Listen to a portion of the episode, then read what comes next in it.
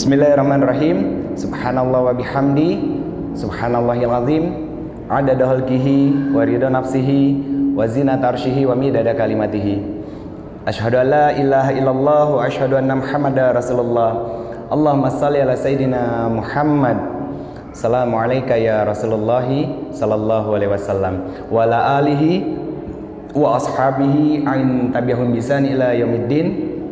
Rabbi a'udzubika min hamazati syayatin wa a'udzubika rabbi ayahdurun subhanaka la ilma lana illa ma 'allamtana innaka antal alimul hakim. Sadaqallahu lazim wa sadaqa rasulullah sallallahu alaihi wasallam. Alhamdulillah puji syukur kehadirat Allah subhanahu wa taala. Malam ini Allah kumpulkan kita di sini di taman surganya Allah dengan harapan dan pasti ada tujuan besar kenapa Allah mengumpulkan kita di sini. Allah menginginkan kita menjadi pribadi yang lebih baik lagi dari diri kita yang sebelumnya. Salawat dan salam semoga senantiasa tercurahkan kepada Rasulullah Muhammad Sallallahu Alaihi Wasallam, sesosok yang sangat luar biasa menginginkan keselamatan bagi kita dan begitu sempurnanya cintanya kepada kita. Dengan harapan kita bisa membalas cintanya pun dengan sempurna. Di antara bentuk aktualisasi balasan cinta kepada Rasulullah Sallallahu Alaihi Wasallam adalah menjaga sunnah-sunnahnya dan mempelajari sirah Rasulullah Sallallahu Alaihi Wasallam. Ayah bunda sekalian yang salat dirahmati Allah Subhanahu Wa Taala, saya minta maaf karena agak telat datangnya. Semoga maaf dari ayah bunda sekalian bisa menjadi hujah saya di hadapan Allah nanti ketika saya dihisab. Kadarullah berangkat dari rumah di Cilenyi di bumi Panyawangan setengah enaman. Ternyata nyampe di sini jam 7 jam 7 juga gitu. Saya nggak pakai kendaraan pribadi karena alhamdulillah memang baru pulang dari Lombok tadi siang. Tanggal 3 saya baru pulang eh maaf, tanggal 3 saya baru pulang dari umroh. Tanggal 5 saya langsung balik lagi ke Lombok safari dakwah. Capek, ya capek sih Pak. Tapi kalau nggak mau capek, kalau kata Ustadz Adi Hidayat kan mati aja gitu. Tapi inilah jalan jalan jalan yang kita pilih. Fa'alhamaha fujuraha wa taqwaha jalan yang diisi dengan ketaatan atau jalan yang membiarkan diri kita tergelincir dalam kemaksiatan. Termasuk toxic circle ini atau lingkungan yang beracun itu sangat berpengaruh bagi kita. Sangat-sangat berpengaruh lingkungan bagi tumbuh kembangnya kita baik apa pun usianya. Bukan hanya anak-anak tapi seluruh lintas usia. Makanya kalimat hijrah itu berlaku untuk seluruh usia. Nggak hanya anak muda. Karena orang tua yang maksiat juga banyak. Termasuk orang tua yang menjadi generasi nunduk pun banyak. Dan gak tanggung-tanggung loh. Kekurangan sopanan kita sama Allah bahkan di dalam masjid juga. Masih sibuk dengan dunianya. Padahal ini jelas rumahnya Allah. Kita sedang bertamu di rumahnya Allah. Tapi kita tidak bisa menjaga adabnya terhadap Allah. Coba kita punya rumah tamu datang ke rumah kita kita ajak ngobrol tamu kita tapi tamu kita sibuk dengan handphonenya. Kira-kira kita gimana sikap kita pak? Sikap kita gimana pak? Marah ya tapi nggak bisa ngeluapin. Kesel iya jengkel pasti. Allah tidak mungkin langsung memberikan teguran kepada kita karena apa? Itu mustahil. Tapi akan ada nanti prosesnya sampai kita tersadar bahwa apa yang kita lakukan ini adalah sesuatu yang salah. Bahkan nggak tanggung-tanggung di masjid dipakai untuk proses transaksi yang sifatnya duniawi. Kan tidak boleh. Ini yang sering kita luput. Makanya insya Allah nanti setelah Isa kita akan bedah sedikit demi sedikit tentang permasalahan yang ada di lingkungan kita. Bukan hanya menjangkiti anak-anak muda tapi juga semua golongan pun masuk dalamnya insya Allah dengan izin Allah Assalamualaikum warahmatullahi wabarakatuh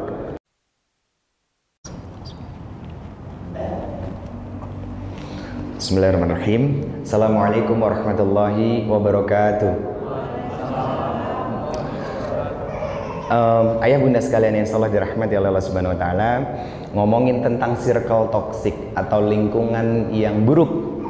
Saya lebih akan konsentrasi kepada gadget. Karena apa? Yang saya perhatiin, Pak, seiring modernisasinya zaman, ternyata khususnya gadget ini itu bikin tata kelola kehidupan masyarakat itu berantakan. Iya nggak sih? Salah satu efek buruknya adalah kita jadi orang-orang yang antisosial. Iya nggak Pak? Nggak usah jauh-jauh. Anak sama orang tua di rumah di meja makan sibuknya sama dunianya masing-masing, sama gadgetnya masing-masing dengan alasan bahwa lagi silaturahim dengan orang lain, lagi ngobrol sama temannya. Dia lupa ada orang yang patut dihormatin di depan mereka yaitu orang tuanya atau begitu pun sebaliknya. Ada orang yang butuh perhatian dari orang tua yaitu anak-anaknya. Dan ternyata bukan hanya gadget itu bukan hanya bikin kita jadi antisosial. Banyak banget sampahnya dari gadget itu. Sebetulnya gadget ini bisa kita kaitkan dengan ayat fa'alhamaha fujuraha wa taqwaha tadi. Jalan fujur atau jalan takwa. Kalau jalan takwa, gadget ini bisa dipakai untuk dakwah, silaturahim, nyambung silaturahim. Kita senang nulis misalkan bikin Insta Instagram Terus bikin apa share tulisan kita kebaikan-kebaikannya di Instagram atau bikin WhatsApp WhatsApp grup dan lain sebagainya. Nah kalau jalan fujurnya, masya Allah Pak, banyaknya luar biasa. Pola kemaksiatan laki-laki itu tidak perlu rame-rame zaman sekarang. Cukup sendiri, kasih gadget, kasih internet, diam di dalam kamar, udah ke mana-mana itu. Stalkingnya udah ke mana-mana. Ngeliatin apa namanya media sosial itu udah ngawur ke mana-mana. Bahkan nauzubillah min sampai buka website-website yang nggak seharusnya kita lihat. Oh, Kang Rido kan diblokir sama uh, ke, apa Kemen Kemeninfo. Anak muda sekarang jauh lebih cerdas, Pak. Anak muda zaman sekarang itu lebih cerdas. Makanya semalam pas di Lombok baru semalam ada yang nanya sama Rido begini. Ustadz, anak saya itu kerasnya luar biasa. Saya tanya, dikasih gadget nggak? Iya, berarti salah orang tuanya. Saya belum selesai ngomong, iya. Indikatornya salah satunya dari situ. Satu. Kedua, perhatikan apa yang dikasih kepada anak-anak kita makanannya. Nah, ini akan berkaitan dengan pekerjaan kita. Setelah tadi antisosial, yang kedua nanti akan berkaitan sama pekerjaan kita. Nah, di sini nanti akan sangat berkaitan erat sama uang yang kita terima yang dinamakan gaji. Coba cek kalau ayah di sini atau teman-teman punya usaha, lihat karyawannya lebih sering tilawah Quran atau main gadget. Atau nggak usah jauh-jauh, di kantor aja cek diri kita sendiri. Di waktu-waktu di luar istirahat kita main gadget nggak? Main game online kah? Terlalu asik bermedia sosial kah? Maaf, maaf banget punten saya takutnya gaji yang kita terima setiap bulan itu syubhat loh. Saya takut kalau sampai mau mengatakan haram. Syubhat loh. Kenapa? Karena kita melakukan sesuatu di luar SOP pekerjaan. Iya nggak?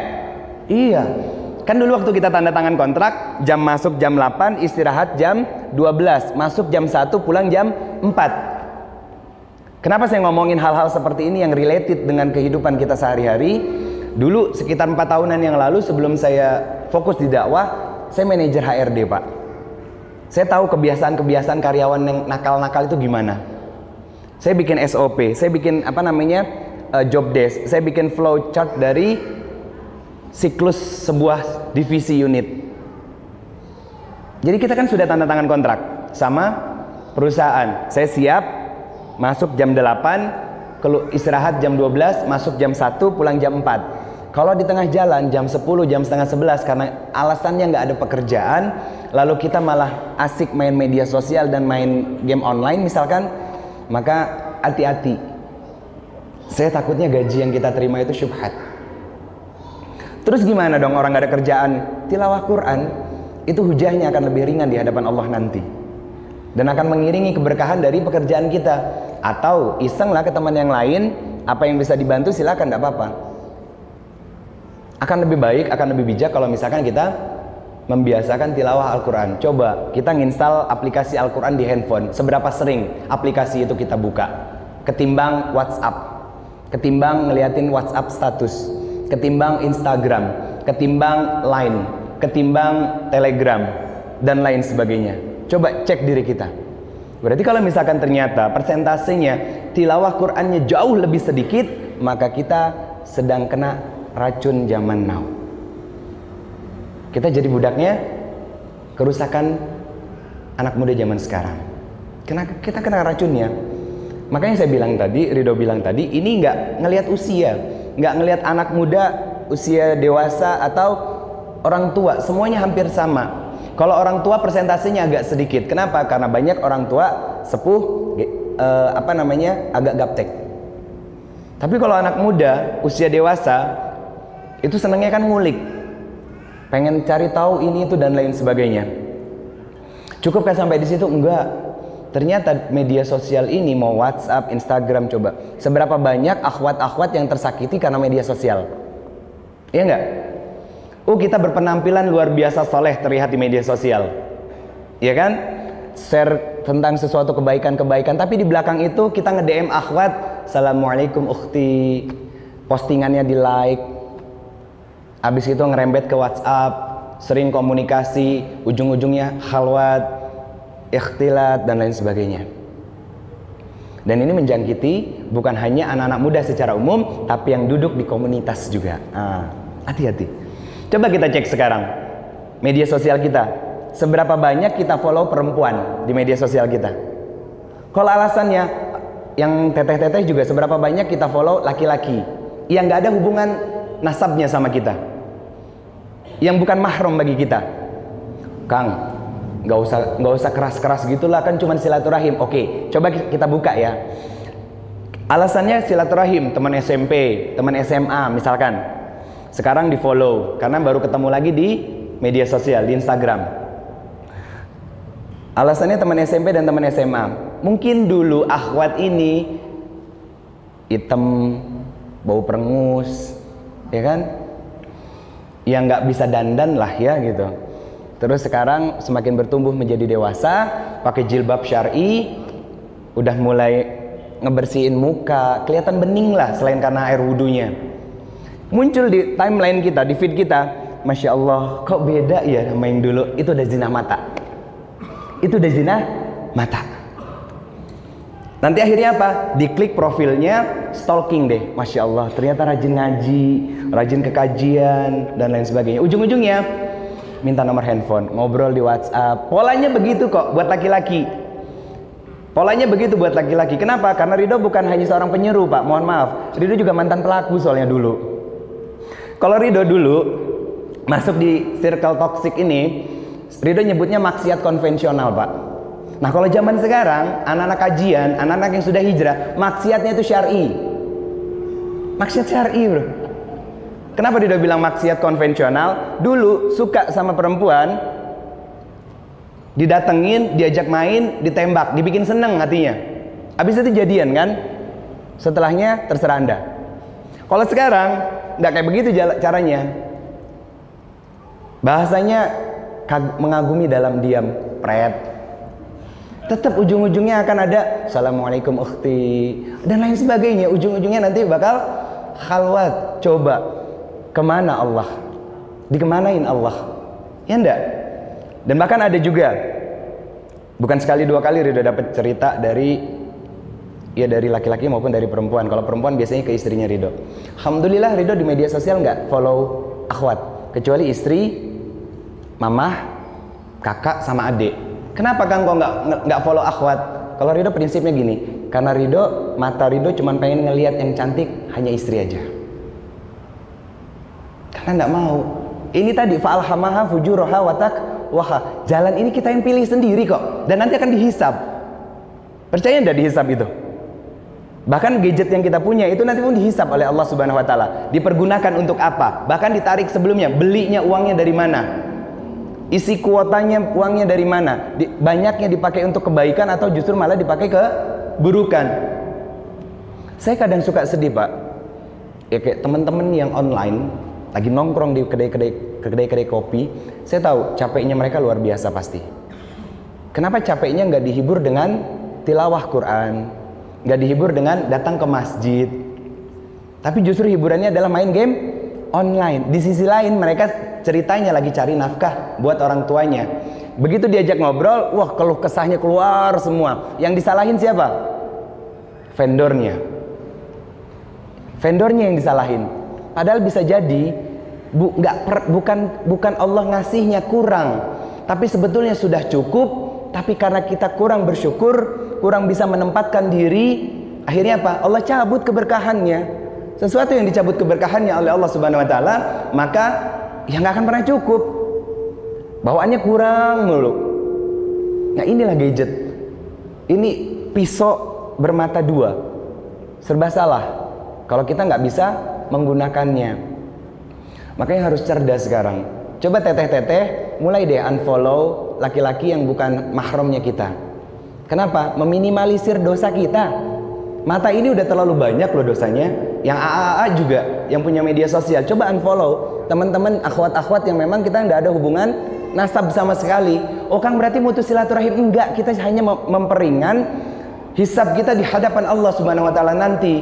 Kenapa? Ini ciri orang yang bertakwa begini. Kok bisa? Iya. Siapa orang yang bertakwa? Allazina yu'minuna bil ghaib. Mereka mengimani segala sesuatu perkara yang gaib. Siapa perkara yang gaib itu?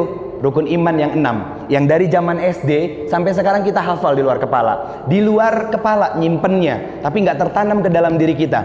Satu, beriman kepada Allah. Kita hanya mengimani Allah sebatas ritualitas keagamaan, tapi nggak meyakini bahwa Allah itu melihat mohon maaf suaranya kayak kodok jadinya agak radang memang Allah maha melihat Allah as-sami' Allah maha mendengar dan Allah maha mencatat segala aktivitas yang kita lakukan. Iya enggak kalau kita adalah orang yang bertakwa pasti sadar akan itu dan ditanamkan di dalam diri kita. Bukan cuma sebatas tahu. Karena kalau sebatas tahu maaf orang kafir banyak yang lebih tahu dan paham tentang Islam daripada kita. Lalu yang kedua beriman kepada malaikat. Coba. Mengimani malaikat bukan hanya mengimani yang 10 dengan tugasnya masing-masing, bukan. Nanti kita bisa buka surat Qaf surat ke-50 ayat 17 dan ayat 18. Apa yang disampaikan Allah? Surat Qaf ini ayat 17-nya Allah menjelaskan tentang setiap perbuatan ada dua malaikat yang siap mencatat. Satu.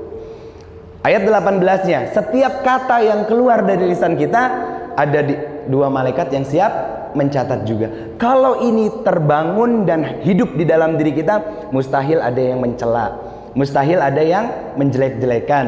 Mustahil ada yang saling fitnah. Mustahil ada yang ngomongin orang. Coba, kalau ngomongin orang biasanya intensitasnya itu lebih kepada ibu-ibu. Pulang kajian, ustadznya diomongin.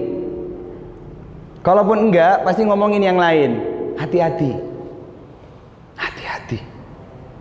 Kenapa? Karena visi orang yang bertakwa itu adalah akhirat, bukan cuma visi dunia. Iya, semua orang akan bervisi sama seperti itu, tapi mereka nggak betul-betul meyakini bahwa itu adalah sesuatu yang menjadi jalan hidupnya mereka. The way of life, jalan hidup. Kalau sadar dua, baru dua nih ya, beriman kepada Allah, beriman kepada malaikat. Mustahil nanti mereka akan melakukan kemaksiatan, sedangkan Allah melihat. Coba, seberapa banyak dari kita ketika menengadahkan tangan sangat hakul yakin bahwa Allah akan mengabulkan setiap doa dan hajat kita. Tapi coba lihat kita. Lihat diri kita. Saat bermaksiat, seberapa yakin Allah mencatat? Pasti diturunin itu kadar keyakinannya. Ah oh, nggak apa-apa kok, orang ini cuma silaturahim. Nah, menggampang-gampangkan hal seperti itu, itu akan menggelincirkan kita pada dosa yang jauh lebih besar lagi nantinya. Lalu beriman kepada Al-Quran yang ketiganya. Kitab suci kita, kitab-kitab kitab-kitab suci selain Al-Quran dan terkhusus adalah Al-Quran. Menjadikan Al-Quran sebagai pedoman hidup kita. Sepertiga Al-Quran itu adalah sejarah.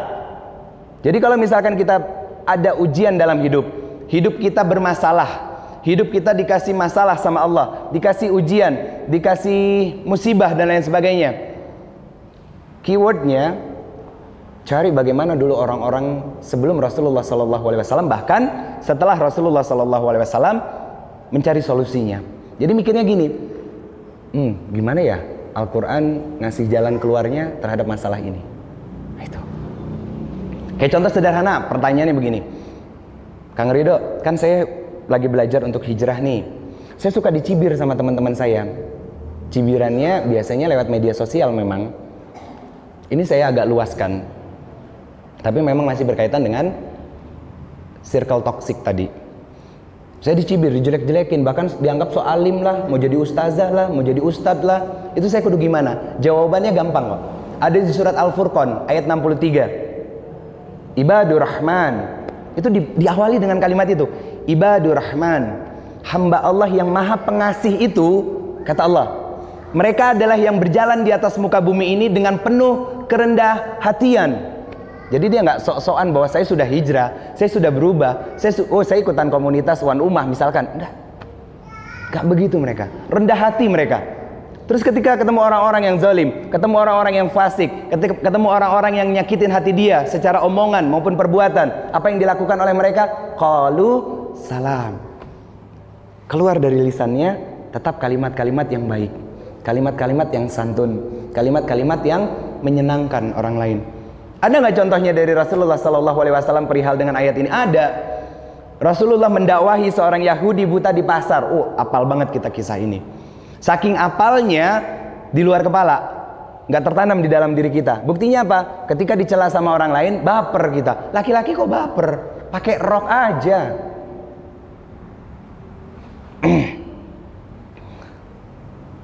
Rasulullah ketika berdakwah di pasar dengan orang Yahudi itu kan dicela, dijelek-jelekan dianggap sebagai tukang sihir, pembohong dan lain sebagainya. Apa yang dilakukan oleh Rasulullah SAW? Gak ngomong satu kata pun, terus nyuapin. Ini akhlak. Karena Islam itu adalah agama akhlak. Dan sekarang rusaknya generasi muda, dewasa dan tua itu masuk ke circle toxic ini salah satunya anti sosial. Itu kita ngomongin tentang beriman kepada Al-Quran. Semuanya ada di Al-Quran kok pedomannya. Jadi mustahil kalau orang yang bertakwa itu baperan. Mustahil orang yang bertak bertakwa itu gampang sakit hati. Mustahil. Mustahil orang yang bertakwa itu mau men ikut mencela orang lain. Mustahil. Kenapa? Karena visinya akhirat. Dia sadar semuanya akan dihisap. Dia sadar semuanya akan dimintai pertanggungjawaban. Yang keempat, beriman kepada para nabi dan rasul. Terkhusus adalah Rasulullah sallallahu alaihi wasallam. Coba cek diri kita. Sudahkah kita menghatamkan sirah nabawi? Sudahkah kita menghatamkan dan mempelajari sirah nabawi secara detail, terperinci? Coba cek. Katanya ngaku cinta sama Rasul. Kita loh, saya. Kita. Katanya kita ngaku cinta sama Rasul. Coba ayah yang sudah menikah Dulu awal awal mula sebelum nikah itu biasanya yang dicari tahu dari calon istri atau calon suami kebiasaannya, ya kan? Apa yang disukanya, apa yang nggak disukanya, ya kan? Latar belakangnya seperti apa? Sampai akhirnya muncul simpati, lalu berubah jadi cinta.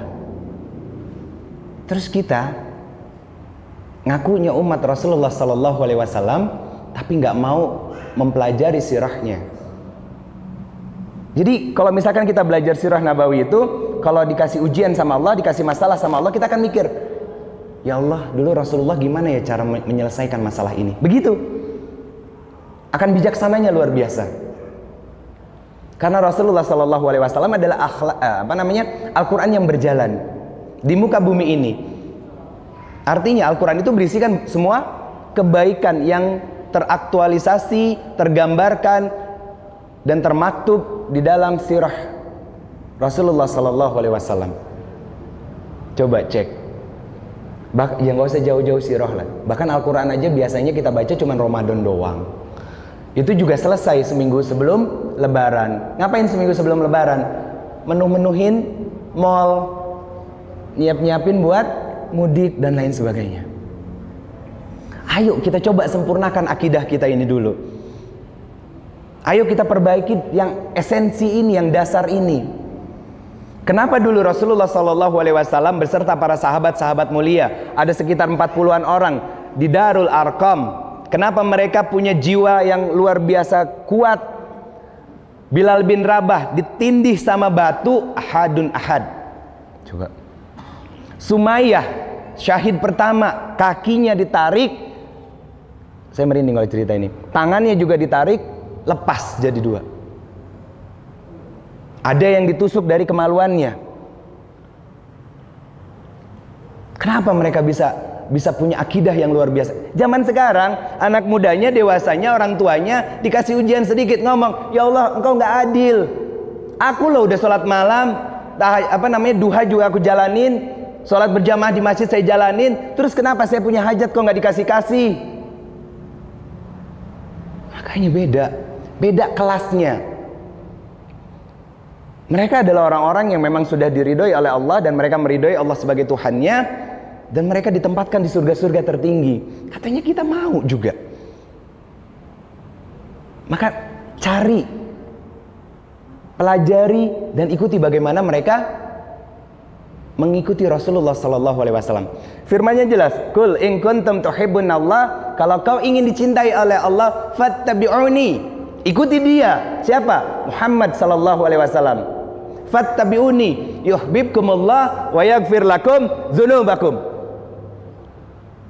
Allah akan mencintai kita dan Allah akan mengampuni semua dosa kita. Ikuti Rasulullah, pelajari sirahnya. Jangan malah kita ber, bertenang-tenang diri di dalam circle toxic ini yang nanti akan bikin kita semakin bebel. Makin susah buat di nasehatin makin susah untuk keluar dari zona nyamannya. Terus yang kelima, beriman kepada hari kiamat. Sederhananya, man kana yu'minu billahi wal yaumil akhir falyakul khairan aw. Kalau saya terjemahan nerjemahinnya dari belakang. Maksudnya gimana? Orang-orang yang cuma dikasih dia orang-orang yang sadar bahwa cuma dikasih dua pilihan sama Allah, bicara yang baik, kalau enggak dia diam, mereka adalah orang-orang yang beriman kepada Allah dan sadar nanti akan datangnya hari kiamat di mana hari kiamat itu semuanya akan dibuka dan dimintai pertanggungjawaban. Gitu nerjemahinnya kalau saya.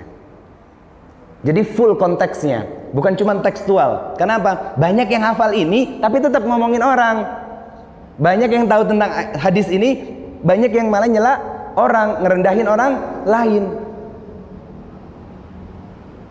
Luar biasa Islam itu, Pak ayah, bunda, teman-teman, jangan kita terpedaya dengan circle toxic, lingkungan yang buruk.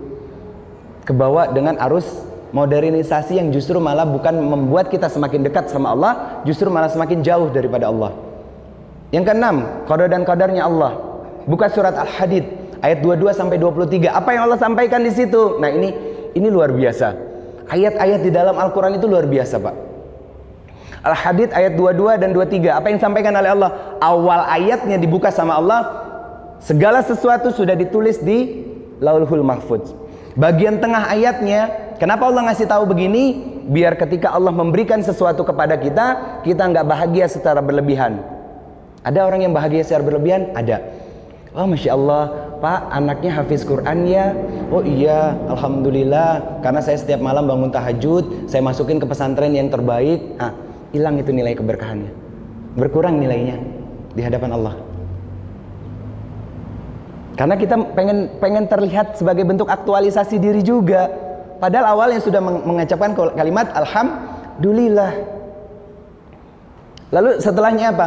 Agar ketika Allah mengambil sesuatu dari kalian kalian tidak sedih secara berlebihan. Baperan. Baperan. Yang ujung-ujungnya menganggap Allah nggak adil. Allah al-adil.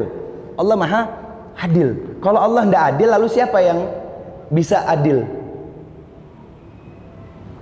Bagian akhir ayat ini Allah sampaikan dan aku sangat membenci orang-orang yang berlaku sombong. Wah, masya Allah. Dua sikap tadi yang Allah sebutkan di situ itu ada di sekitar kita, mungkin di dalam diri kita, di dalam diri saya. Dan Allah nggak suka itu sifat sombong. Allah ambil sesuatu kita sedih berlebihan nggak jadi nikah dinasihatin sama orang. Suruh sabar-sabarin pasti insya Allah akan ada jodoh yang lain. Apa biasanya jawabannya? Kamu nggak tahu apa yang aku rasain. Sakit semuanya udah disiapin. Dia lupa bahwa takdir ini terjadi karena Allah. Berkurang kadar akidahnya. Dan ini luar biasa pak. Apalagi pengaruh gadgetnya Allah Akbar.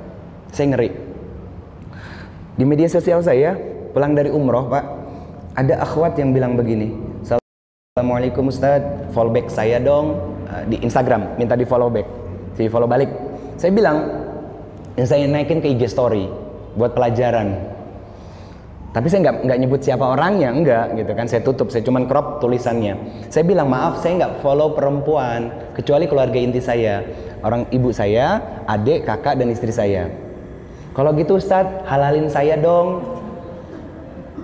Itu saya screenshot, saya kirimin ke istri, istri ketawa-ketawa. Saya bilang, oke okay, nanti saya bantu cari ya ikhwan yang memang mau ngahalalin mbak. Saya bilang gitu. Nggak mau, saya maunya ustadz aja. Oh gitu, yaudah. Nanti saya temenin ke kantor MUI biar dapat label label halal di jidatnya. Saya gituin. Akhirnya saya naikin ke IG story, dia replay. Oh ustadz kok di kok di apa? Kok di screenshot kata dia tuh kan. Ini bentuk ikhtiar saya, siapa tahu ada yang nyangkut. Enggak, saya maunya sama ustadz aja. Enggak saya balas lagi. Sudah selesai. Enggak ada urusan lagi. Dan itu bukan sekali dua kali pak. Kemarin di Lombok, habis kajian saya dicubitin. Ibu-ibu, saya bilang ya Allah ya Rabbi. Ada waktu itu ngisi tentang ta'aruf di Jakarta. Ada pertanyaan pakai kertas. Saya cerita, saya udah nikah. Kertas datang, ngomong apa coba pertanyaannya? Ustadz, mohon izin. Ustadz mau nggak jadi imam saya? Saya bilang begini, saya nggak tahu siapa yang nanya. Saya bilang begitu ya. Ini masalah pak, masalah. Masalah bagi siapa? Para ikhwan yang pengecut. Jomblo-jomblonya. Kasihan coba. Saya bilang, saya nggak tahu siapa yang nanya ya ini ya. Tapi saya nanti sampaikan sama istri saya. Saya bilang begitu. Jamaahnya pada ketawa semuanya. Coba ikhwan-ikhwan yang masih single coba. Jangan cuma ngagumin lewat lewat media sosial jangan. Datengin orang tuanya. Ayah bunda sekalian yang salah dirahmati Allah Subhanahu wa taala, circle toxic. Saya fokus lagi, balik lagi ke gadget, penyakitnya luar biasa banyak. Bahkan saya pernah tergelincir dulu karena handphone. Saya nikah 2012, setahun enam bulan awal itu jadi jadi ujian buat saya. Saya tidak pernah minum pak, nakalnya saya dulu. Saya tidak pernah minum, saya nggak pernah ngobat, saya nggak pernah ngerokok. Terus nakalnya apa Kang Rido? Saya playboy pak. Itu pacaran sama A bisa jalan sama B sampai Z. Karena dulu main musik, modeling juga dan lain sebagainya. Dan di awal nikah itu datang lagi. Ujian para singalila yaitu medsos. Medsosnya teman-teman coba. Iya nggak sih? Oke lah buka Instagram, coba buka Instagram persentasenya yang dilihat kebaikan sama yang dilihat itu tentang akhwat atau apa pun itu yang buruk, mana yang lebih banyak? Jujur aja dalam diri, gak usah disebut kok. Makanya tadi di awal udah bilang, saya bukan cuma penyuruh pak, saya mantan pelaku. Saya tahu polarisasi, modusisasi laki-laki terhadap perempuan ketika maksiat konvensional maupun maksiat syar'i sekarang. Karena saya seneng ngamatin memang psikologis. Dan ini bahaya. Coba bapak-bapak, ibu-ibu kan punya anak-anak yang sudah dewasa, remaja di rumah, cek media sosialnya, cek handphonenya. Kalau dikunci, tegas sama mereka. Mau handphonenya mama atau papa ambil atau kamu buka. Buka di depan mama, buka di depan papa. Mama sama papa pengen lihat, lihat WhatsAppnya. Chatting sama siapa dia? Karena saya kedapatan ada orang tua yang curhat, begitu handphone anaknya iPhone dibuka, ada beberapa grup yang nge-share video-video porno pak di WhatsAppnya. Ngeri. Kalau kita diemin aja, nanti gimana kita bertanggung jawaban sama Allah? Mau jawab apa sama Allah? Cek media sosialnya, Instagramnya, DM-an DM-annya itu ngobrol sama siapa, apa yang diobrolin. Harus lo kita tahu, mesti lo kita tetap menjaga mereka. Dan kita masih punya kewajiban untuk membuat mereka jadi orang yang lebih baik lagi. Ya ayyuhallazina amanu ku anfusakum wa ahlikum naro. Kalimat awalnya ya ayyuhallazina amanu. Hei orang-orang yang beriman yang ngaku Tuhannya Allah yang ngaku teladannya adalah Rasulullah sallallahu alaihi wasallam yang sudah sholat ke masjid yang sudah menutup aurat yang senang duduk di majelis ilmu. Kan itu orang beriman.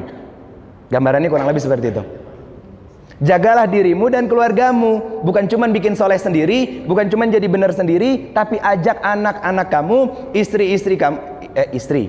Eh bahaya kalau istri-istri nanti dikiranya poligami. Istri kamu atau suami kamu biar jadi orang yang dicintai oleh Allah dan Rasulnya dan terjaga dari siksa api neraka. Saya kalau kalau nerjemahinnya begitu pak. Saya berusaha untuk nggak keluar dari konteksnya. Kalau cuma baca wah, wahai orang-orang yang beriman tapi nggak dideskripsikan siapa orang yang beriman itu nggak akan nabok nantinya. Terutama nabok diri saya sendiri gitu. Nasihat buat diri saya sendiri Ada ayahnya rajin ke masjid, ada ibunya rajin ke kajian, anaknya pacaran. Aduh. Sayang pahalanya. Sayang pahalanya. Pahala ke masjidnya sama pahala ngajinya. Circle toxic. Kok bisa ini terus-terus muter seperti itu? Kok menjadi sebuah kebiasaan yang terus menerus karena visi hidupnya bukan akhirat. Visi hidupnya baru nyangkut di dunia, kalau visinya jauh ke atas, nyangkut di langit dunia doang kayaknya. Belum sampai kepada Allah. Belum sampai kepada surga dan neraka. Belum sampai kepada adanya hisab nanti. Belum sampai kepada adanya padang mahsyar. Belum sampai kepada as-sirat dan lain sebagainya. Belum sampai. Ayo kita benahi lagi semuanya. Mulai dari diri kita, mulai dari keluarga kita, istri kita, suami kita, anak-anak kita.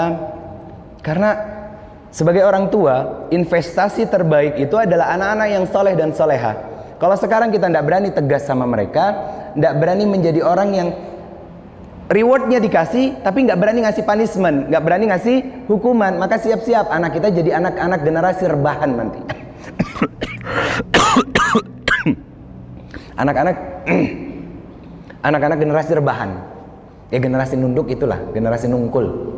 Kalau orang kata orang Sundanya. Punten Ridho nggak bisa bahasa Sunda. Karena papa orang Padang mama orang Jawa. Padang campur Jawa jadinya begini pak. Kalau istri orang Sunda memang. Generasi rebahan. Yang ketika kita sebagai orang tuanya minta tolong nah bantu mama dong tolong angkatin galon. Mama nggak kuat nih karena mama lagi tanggung juga masak. Ah nanti mah aku tanggung. Nah anterin mama yuk ke Borma atau ke Transmart dan lain sebagainya. Aduh mah aku capek. Tadi habis apa ekskul. Tapi tangannya nggak capek. Tetap main game online. Tetap main media sosial dan lain sebagainya. Itu yang terjadi. Kalau kita biarin, mereka akan rusak dan terus rusak. Moralnya jatuh, mentalnya ambruk. Nanti mereka benar-benar jadi generasi rebahan yang ketika diuji sama Allah kayak layangan pak. Ketiup angin singit dia. Saya nyebutnya singit. Goyang terus. Nggak ada arahnya sama sekali. Lembek mentalnya lembek jiwanya. Kenapa? Karena kita mendidik mereka tidak dengan visi akhirat. Kita memanjakan mereka tapi lupa bahwa mempersiapkan mereka untuk untuk pulang ke akhirat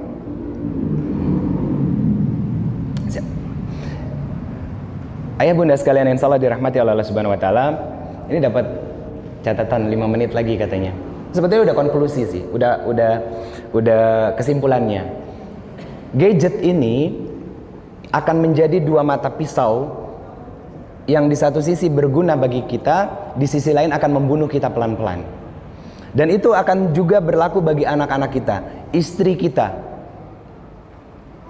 Juga termasuk diri kita sendiri. Maka bangun dulu akidah yang baik. Bangun dulu visi akhiratnya.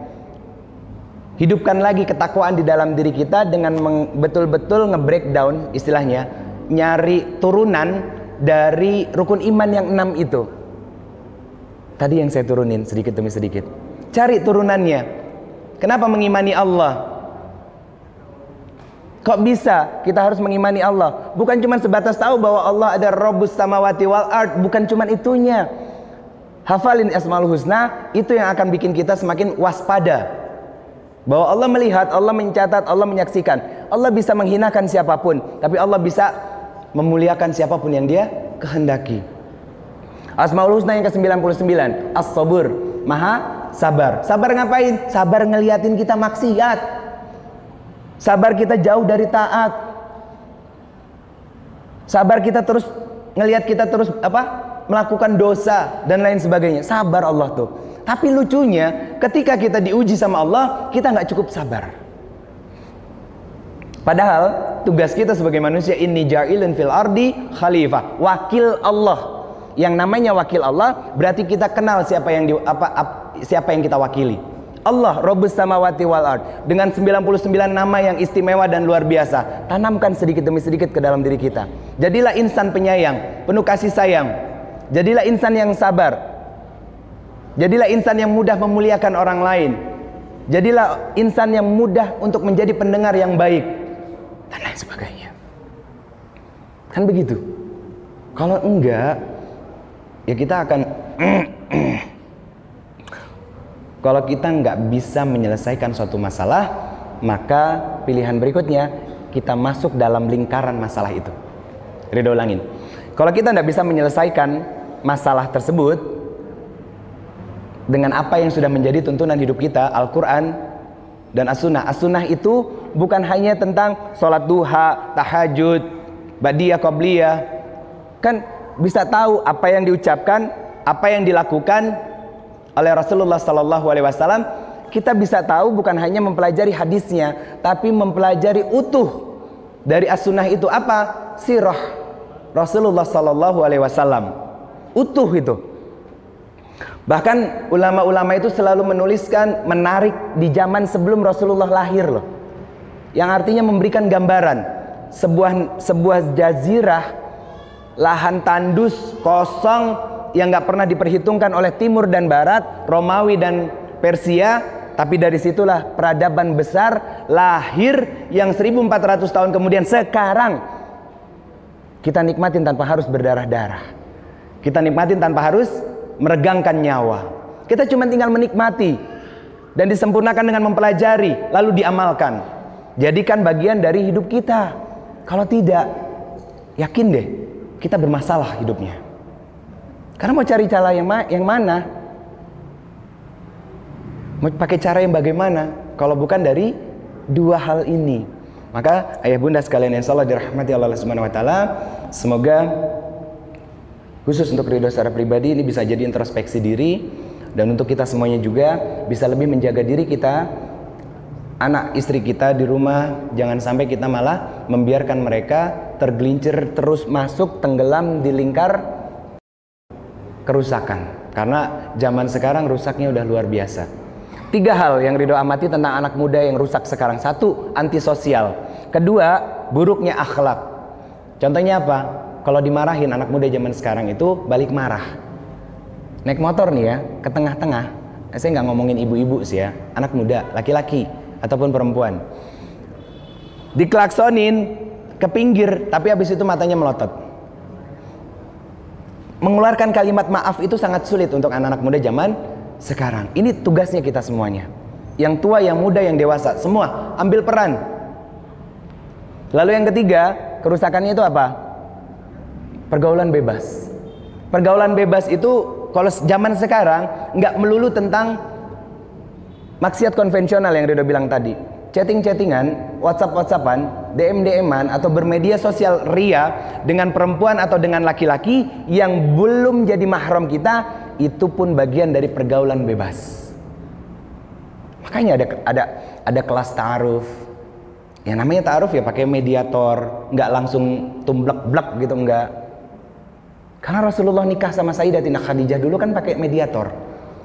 Keluarganya ketemu dengan keluarganya, nggak main belakang Nah itu makanya Ridho bilang um, pergaulan bebas nggak melulu tentang maksiat konvensional yang anak-anak sekolah, anak-anak kampus, kumpul kebo dan lain sebagainya, tapi juga menjangkiti kita-kita yang ada di komunitas, kita-kita yang sudah berhijrah, kita-kita yang sudah berjamaah di masjid, kita-kita yang katanya sudah ngaji, tapi nyatanya kita masih DM-DM-an, masih WhatsApp-WhatsAppan, masih bermedia sosial secara bebas dengan orang-orang yang bukan mahram bagi kita. Hati-hati. Semoga Allah karuniakan kepada kita kemampuan untuk keluar dari circle toxic yang mungkin ya kalau kaki baru sebelah masuk nggak apa-apa masih gampang untuk diangkatnya lagi. Kalau dua-duanya masuk ke lingkaran itu itu butuh effort yang luar biasa, butuh perjuangan yang lebih besar lagi. Semoga Allah kasih hidayah buat kita semuanya. Semoga Allah karuniakan inayah buat kita semuanya. Semoga Allah mudahkan ikhtiar kita untuk terus senang dalam perbaikan dan kebaikan. Sehingga apa? Kita mencintai Allah dan Rasulnya dan Allah dan Rasulnya mencintai kita dan bisa bersama dengan Rasulullah Sallallahu Alaihi Wasallam di dalam surganya Allah nanti. Wallahu a'lam bisawab. Assalamualaikum warahmatullahi wabarakatuh.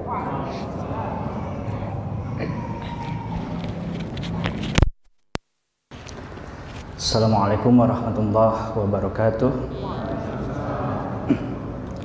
Alhamdulillah Alhamdulillahilladzi arsala rasulahu bil huda wa dinil haq liyuzhirahu 'ala dini kulli wa kafa billahi syahida asyhadu an la ilaha illallah wahdahu la syarikalah wa asyhadu anna muhammadan abduhu wa rasuluhu la nabiyya wa la rasula ba'dah. Allahumma sholli ala Muhammad wa ala ali Muhammad kama shallaita ala Ibrahim ala ali Ibrahim innaka Hamidum Majid. Wa qala Allah ta'ala fi kitabil karim a'udzu billahi samil alim minasyaitonir rajim. Ya ayyuhallazina amanu ittaqullaha haqqa tuqatih wa la tamutunna illa wa antum muslimun. Puji serta syukur hanya milik Allah Rabb yang maha luas ilmu dan kasih sayangnya. Atas segala limpahan nikmat, rahmat dan karunia-Nya Allah berikan kekuatan untuk kita semua ke dalam jiwa kita yaitu iman dan Islam. Maka dengan kekuatan iman dan Islam apa pun yang menjadi tantangan serta hambatan dalam beribadah pada Allah Subhanahu wa taala maka kita terus akan menikmatinya dan mensyukurinya. Semoga Allah menjadikan iman dan Islam ini hingga kita kelak diwafatkan dalam keadaan husnul khatimah. Salawat dan salam semoga tercurah dan terlimpah kepada junjungan kita Nabi besar Muhammad sallallahu alaihi wasallam kepada seluruh keluarganya, para sahabatnya, tabi'in wal tabi'atnya, tabi' tabi'in wal tabi' tabi'at, para alim ulama dan semoga kelak kita termasuk umat yang mendapat syafaat di yaumil akhir karena hari ini kita bersama-sama istiqomah berjamaah dalam rangka memegang Quran dan Sunnah Nabi SAW hingga diwafatkan dalam keadaan sedang memegang hal tersebut. Bagaimana kabarnya Bapak Ibu? Baik, Alhamdulillah. Mudah-mudahan tidak bosan dengan hadirnya eh, saya kembali. Beliau ini sahabat saya, udah lama banget ya, nggak ketemu, ketemu lagi setelah beberapa tahun dan di sini.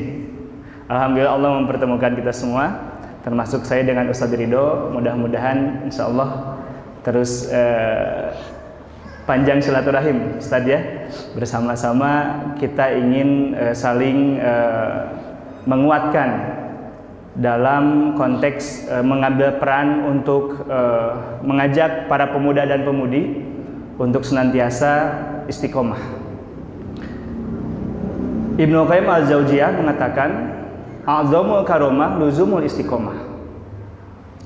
Karomah terbesar seseorang, kita semua Pak, adalah kita bisa istiqomah. Karena kemudian istiqomah ini yang akan menjadikan kita apakah berakhir dalam kebaikan, husnul khatimah, atau sebaliknya. Ada orang yang istiqomah dalam amal ibadah, maka sesuai dengan kebiasaannya. Man syaa 'ala Siapa yang hidup dengan kebiasaan tertentu, dia akan diwafatkan dengan kebiasaan itu baik dalam keadaan taat atau maksi. Ada orang yang istiqomah dalam kemaksiatan gitu ya misalnya gitu ya. Ada orang yang konsisten dalam kemaksiatan, maka kata para ulama Ibnu Katsir mengatakan kemungkinan besar apabila dia tidak bertaubat dia akan diwafatkan dalam keadaan itu. Sebaliknya, jika kita kemudian bersungguh-sungguh istiqomah dalam kebaikan, insya Allah Ta'ala kita pun akan diwafatkan dalam keadaan keimanan dan keislaman. Maka hari ini adalah pilihan kita. Wahadainahu najdain fa'alhamaha fujuraha wa taqwaha. Ke mana arah langkah kita saat ini? Ketika Allah sudah memberikan hidayah taufik wal hidayah kepada kita semua untuk kemudian berhijrah. Al muhajirin man hajaro anhu. Orang-orang yang berhijrah itu orang-orang yang istiqomah meninggalkan apa-apa yang Allah benci gitu. Dahulu kita orang yang bergelimang dosa, bergelimang kemaksiatan, pernah melakukan kesalahan, pernah melakukan keburukan, lalu hidayah menyapa kita, lalu kita kemudian datang ke sebuah majelis ilmu untuk bersama-sama membaca Iqra bismi rabbikal ladzi khalaq. Membaca kitab-kitab Allah, membaca Quran dan sunnah Nabi sallallahu alaihi wasallam.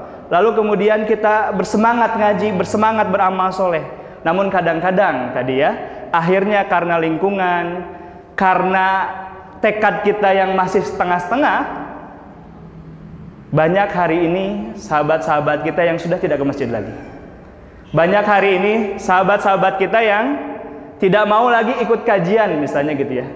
Ini menjadi sebuah hal yang tentunya PR kita bersama. Namun ketahuilah bahwa istiqomah adalah karomah yang paling besar yang diberikan oleh Allah Subhanahu wa taala kepada seseorang termasuk kita semua karena istiqomah ini dalam kebaikan tentunya dalam amal soleh itu yang menjadi cita-cita kita semua. Bapak Ibu teman-teman semua, maka akan ada tips bagaimana istiqomah. Pastinya gitu ya. Tadi kalau Ustadz Ridho sudah menjelaskan, salah satu yang membuat seseorang tidak istiqomah itu adalah lingkungan, Pak ya. Kemudian Nabi bersabda seseorang itu tergantung agama teman dekatnya.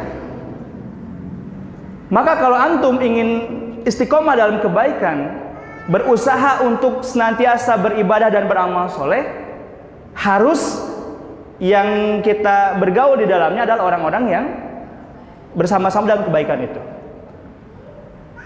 Kemarin saya baru ikut seminar tentang bisnis pak Orang bisnis punya filosofi seperti ini. Tidak ada burung yang berbeda tidak akan hinggap di dahan yang sama. Sampai seperti itu gitu. Artinya apa? Anda tergantung siapa teman Anda, kata orang bisnis ini. Padahal kemudian kami tahu bahwa beliau-beliau orang bisnis itu membicarakan hal tersebut mengutip hadis, mengutip perkataan dan sabda Nabi SAW. Kalau kamu hari ini miskin, kata beliau beliau gitu ya, di seminar bisnis itu, mungkin karena teman-teman kamu saat ini orang-orang miskin gitu. Sampai seperti itu. Kalau kamu ingin kaya, kata orang-orang bisnis, maka bertemanlah dengan orang-orang kaya. Minimal kecipratan kayanya. Minimal katanya, meskipun kemudian kita miskin, dia bantu kita untuk menjadi kaya. Semiskin-miskinnya mohon maaf, bukan merendahkan uh, profesi tertentu, maksud saya apa? Semiskin-miskinnya misalnya seorang pembantu rumah tangga seorang yang kaya pasti lebih kaya dari saya gitu. Karena penghasilannya akan berjuta-juta akan mungkin puluhan juta bahkan ratusan juta gitu. Misalnya contoh uh, ini pak. Uh, pembantu uh, asisten rumah tangganya Raffi Ahmad misalnya Ya. kaya enggak? Kaya di, di kampungnya punya ini, punya dan sebagainya. Artinya apa?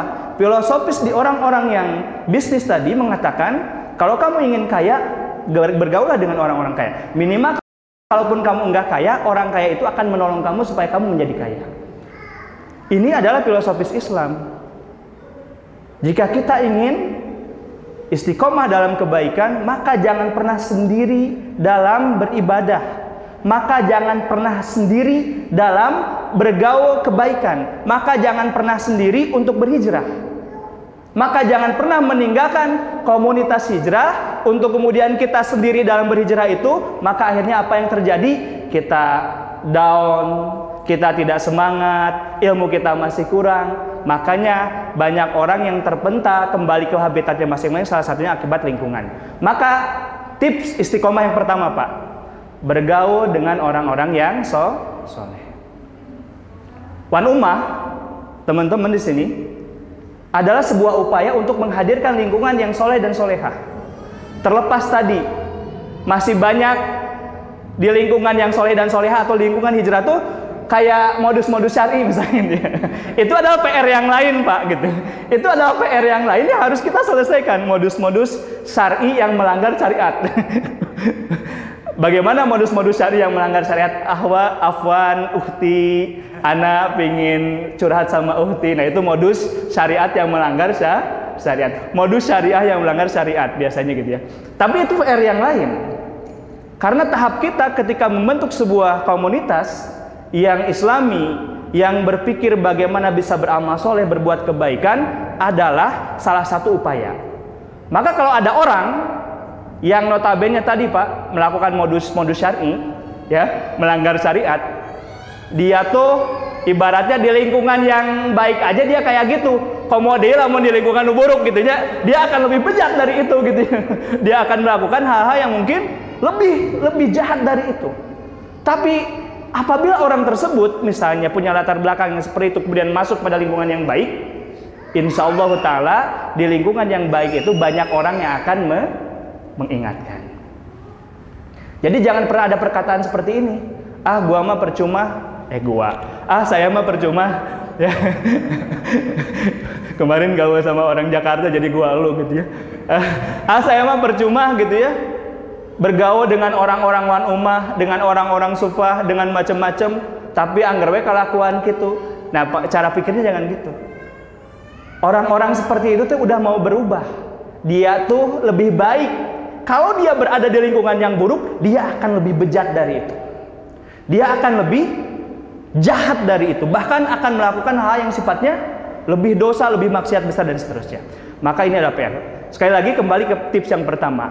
Untuk bisa istiqomah, carilah lingkungan yang soleh dan soleha. Carilah lingkungan masjid, Pak ya.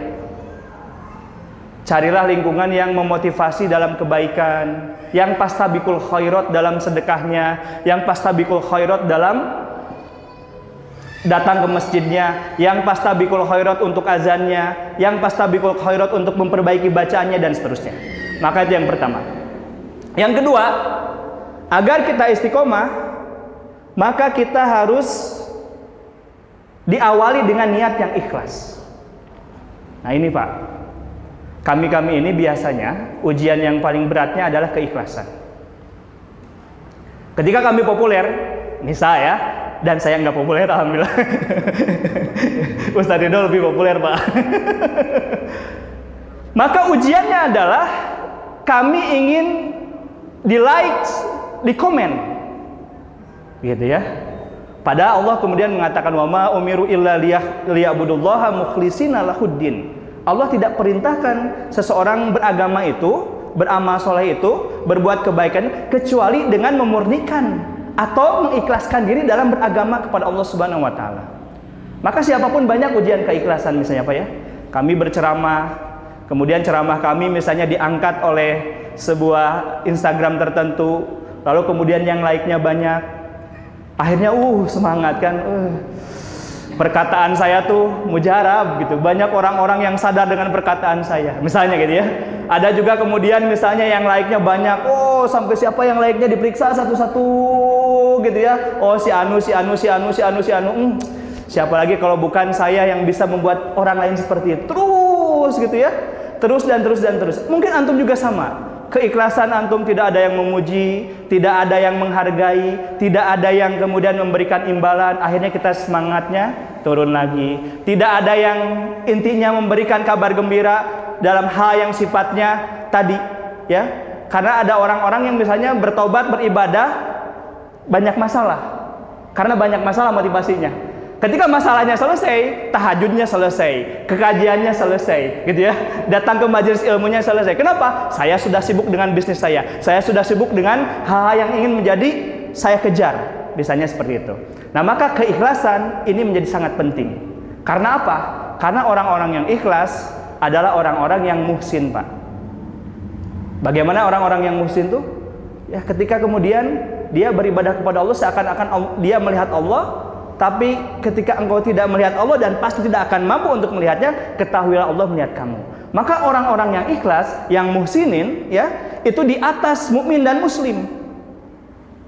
Ya, maka ya sendiri sholat subuh ikhlas aja, semangat aja. Aduh, eh, nu bersih masjidnya orang deh, orang deh, misalnya gitu ya.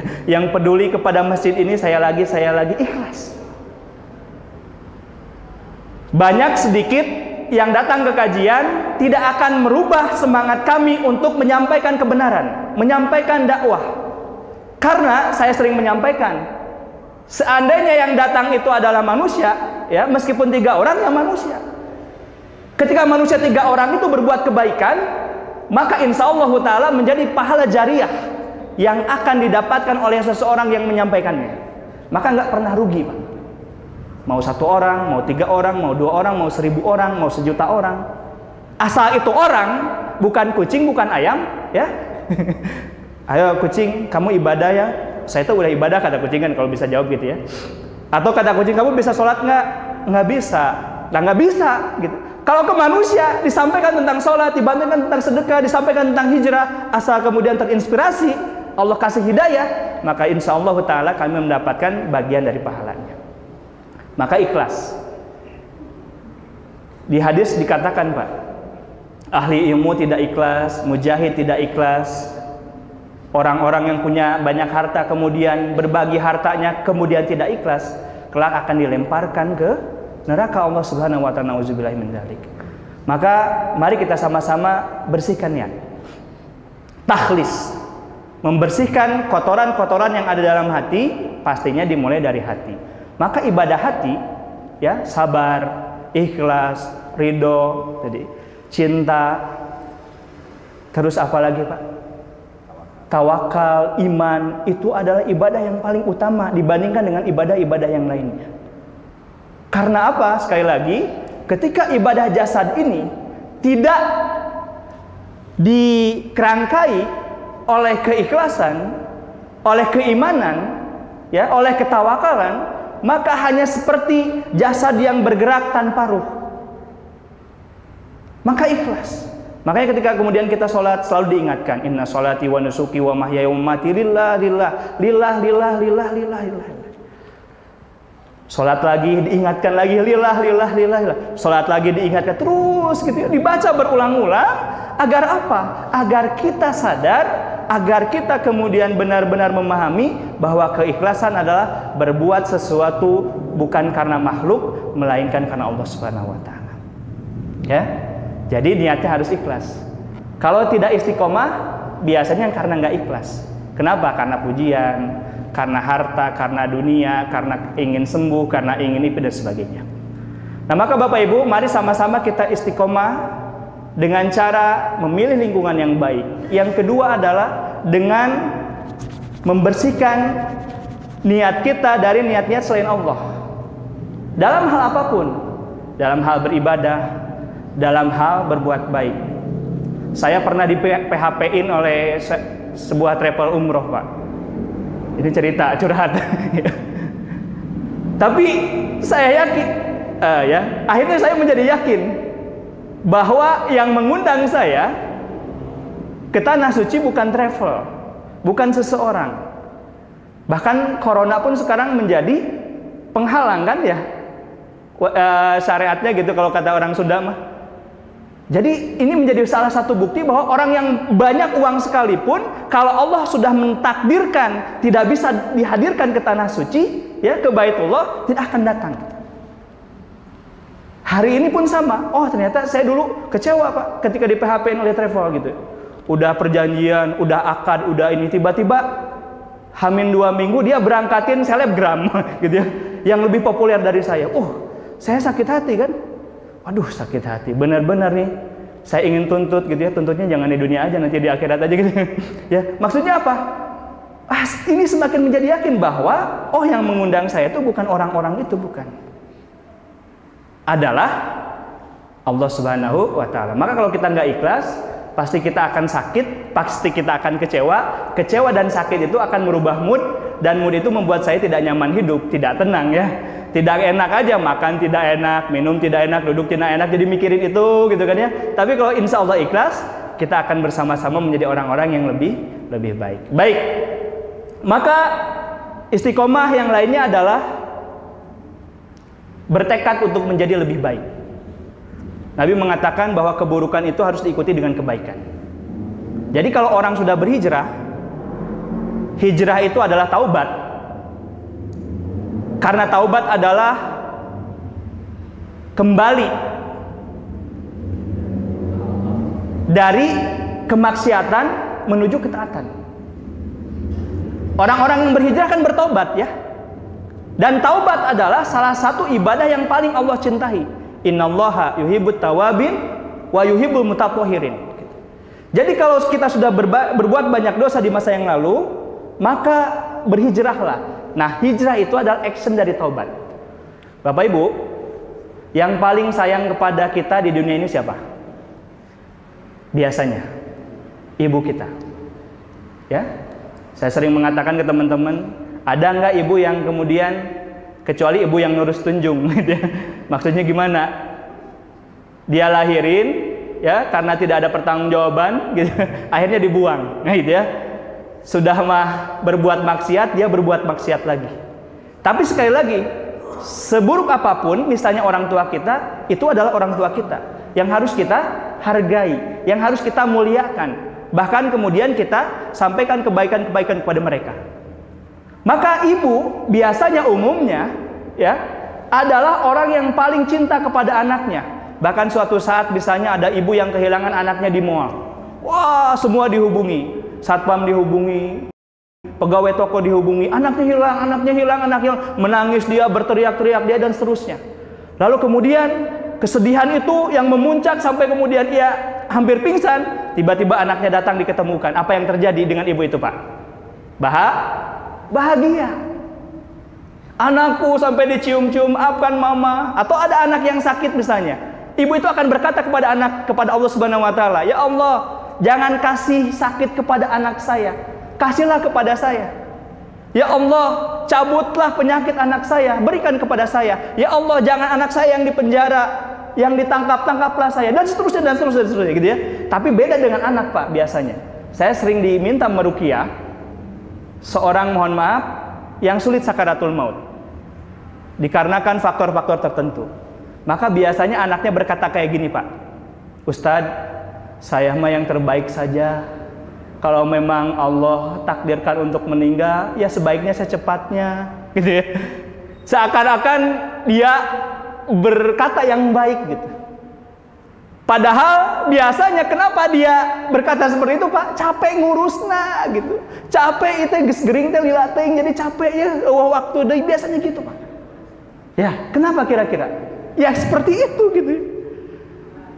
Karena ibu biasanya akan lebih lebih mencintai anaknya bahkan mengorbankan segalanya sebaliknya dengan anaknya malah ingin menyimpan orang tuanya di panti jompo teman saya ada yang kerja di pelayaran pak di apa namanya kapal pesiar gitu katanya di luar negeri itu orang-orang kayanya itu menyimpan orang tuanya itu di kapal siar itu sampai dua bulan tiga bulan kenapa biar dia biar mereka tuh nggak ngurus orang tuanya gitu. Jadi dia biayain kan kalau di kapal pesiar tuh kayak di panti jompo ya.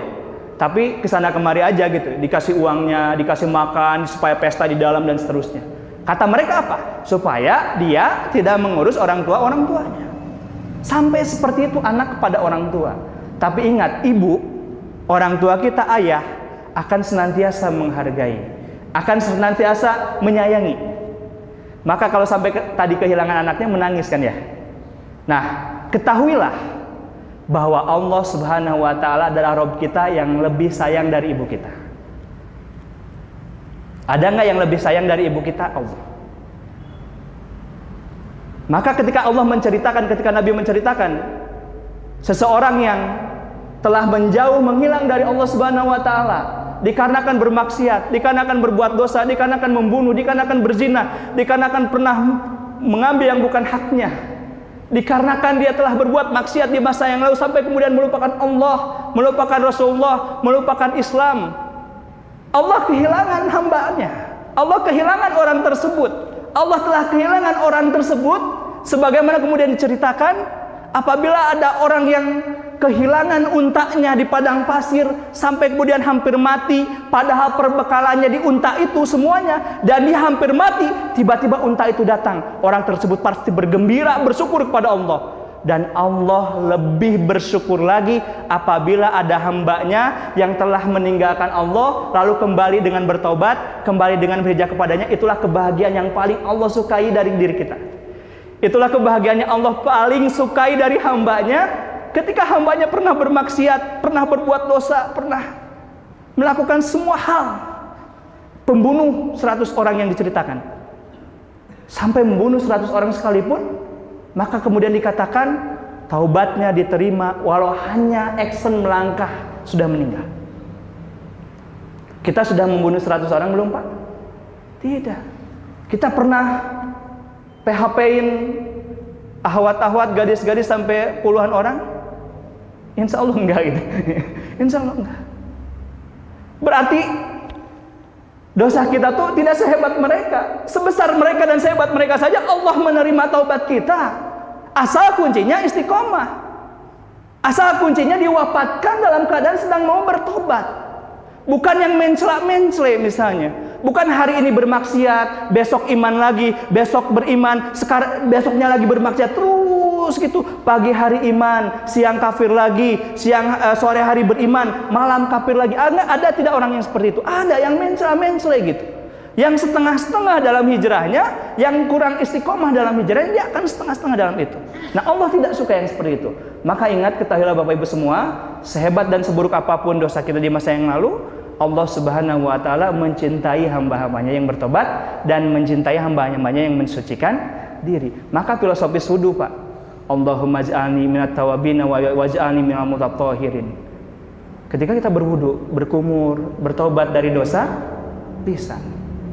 Ketika kita membasuh muka, bertobat dari pandangan-pandangan yang bukan haknya. Ketika kita membasuh tangan, maka kita memohon ampun kepada Allah, beristighfar kepada Allah dari satu-satu hal yang bukan hak kita yang diambil. Atau dari sesuatu yang kita pegang yang bukan hak kita.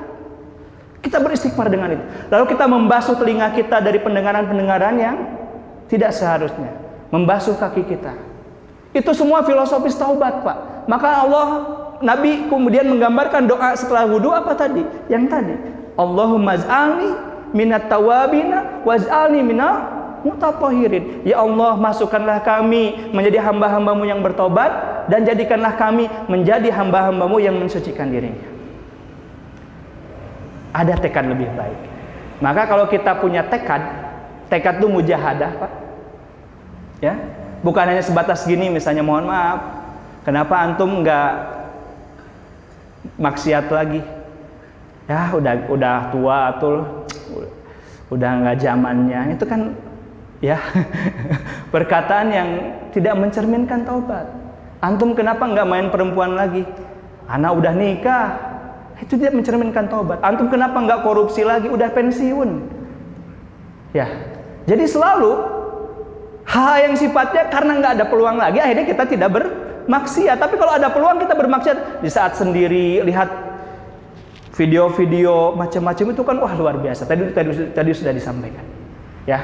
Nah, maka bertekad menjadi lebih lebih baik. Mari sama-sama Pak, tekadkan dengan dengan kuat. Tanpa tekad orang nggak bisa sukses. Tanpa tekad orang nggak bisa beribadah. Tanpa tekad orang nggak bisa melangkahkan kaki yang notabene hanya beberapa langkah dari rumahnya. Orang nggak bisa duduk di sini berjam-jam tanpa tekad. Tanpa tekad orang nggak bisa bertahan dalam sebuah majelis ilmu, ya. Padahal di situlah malaikat Allah sedang mendoakannya. Ingat, 11 golongan, 10 atau 11 golongan yang akan didoakan oleh para malaikat adalah orang-orang yang duduk di majelis ilmu. Ketika mereka punya dosa, malaikat itu akan memohonkan ampun. Ketika mereka berdoa, malaikat itu akan mengaminkan.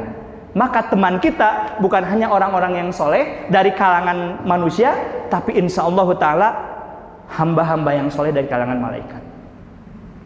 Saya bertanya kepada kemudian teman-teman, kalau orang udah soleh, kira-kira ada hijab tidak antara dirinya dengan Allah?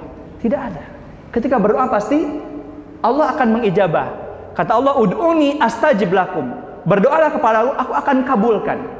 Maka ketika Allah sudah mengabulkan doa-doanya, ya, itu janji Allah Subhanahu wa taala bagi siapa? Bagi orang-orang yang tidak ada hijab lagi, penghalang lagi antara doanya dengan Allah Subhanahu wa taala. Maka yang selanjutnya tadi agar istiqomah ya doa.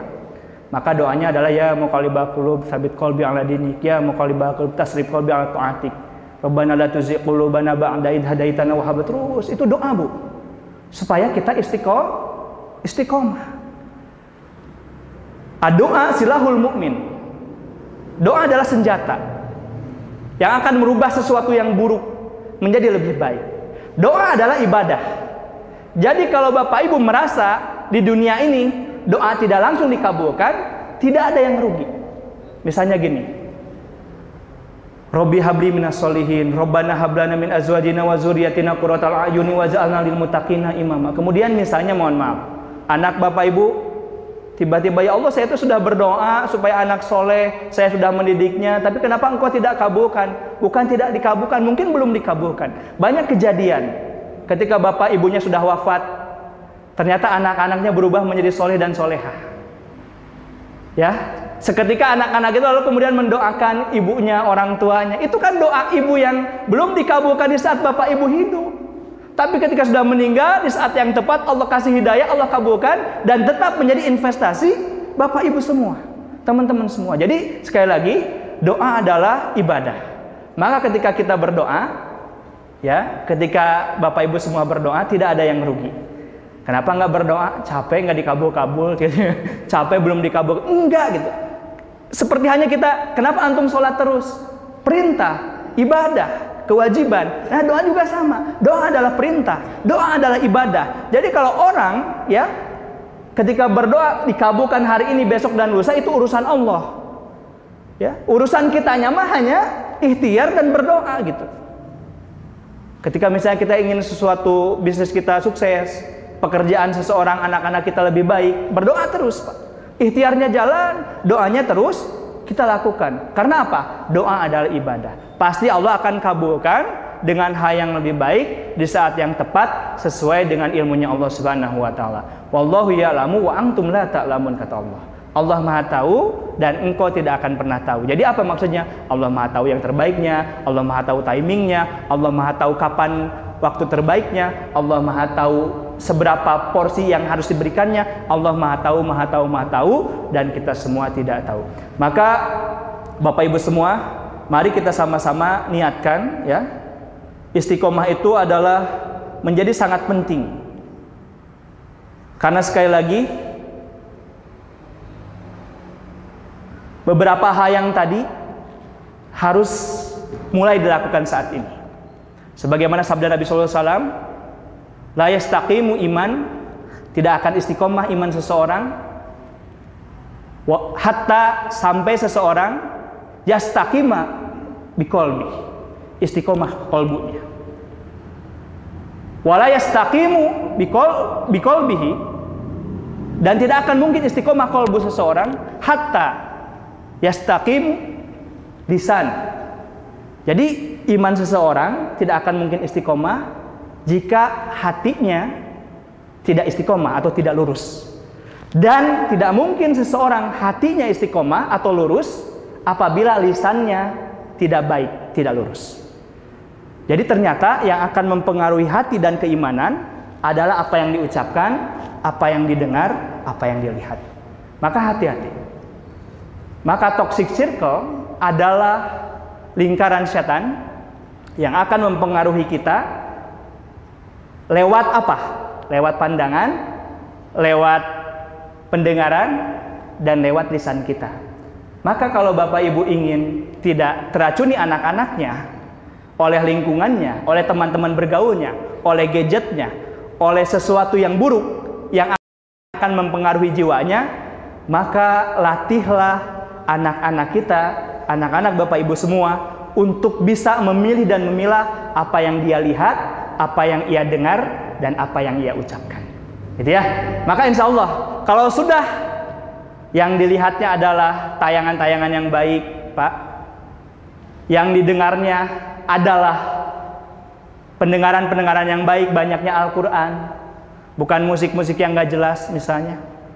Yang diucapkannya adalah Quran, bacaan Quran, hafalan hadis, hafalan ayat, hafalan perkataan ulama. Insya Allah Ta'ala ketika dia ada ujian fitnah, ujian di depannya, apa itu apakah itu fitnah atau ujian dari orang lain, dari gadgetnya, dari orang-orang sekitarnya, dia akan mengatakan bahwasannya hatinya itu adalah hati yang insya Allah lurus karena apa yang ia dengar, apa yang ia lihat, apa yang ia ucapkan senantiasa yang baik-baik.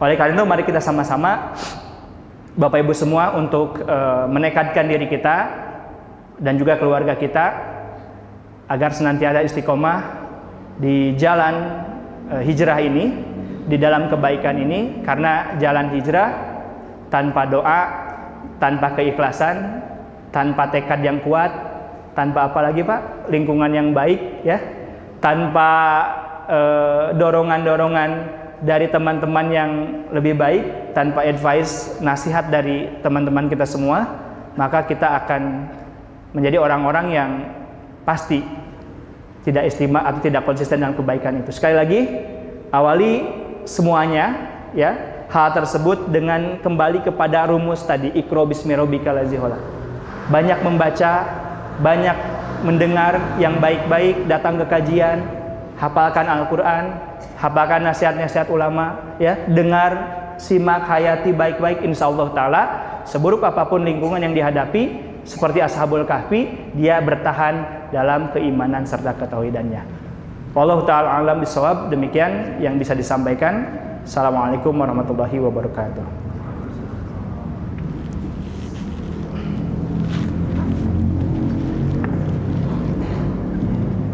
Ya, jazakallah khairan eh, untuk penjelasannya Ustaz Tikna.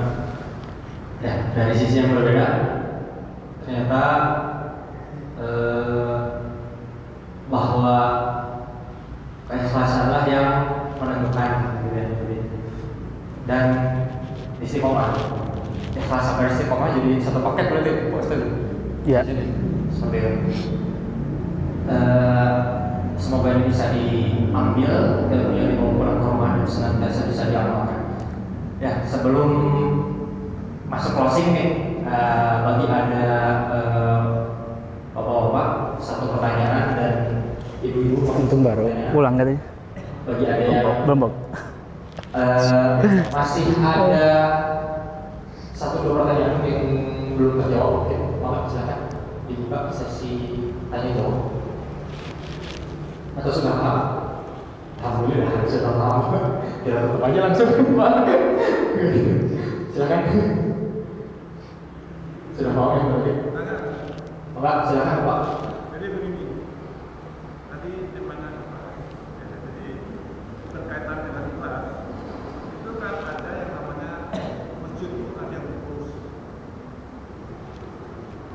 Nah di dalam pengurusan ini dalam arti ikhlas itu pengurusan itu digaji apa enggak? Silakan. Baik. Itu adalah kepatutan dan keharusan. Baik Pak, jadi eh, makna ikhlas itu kan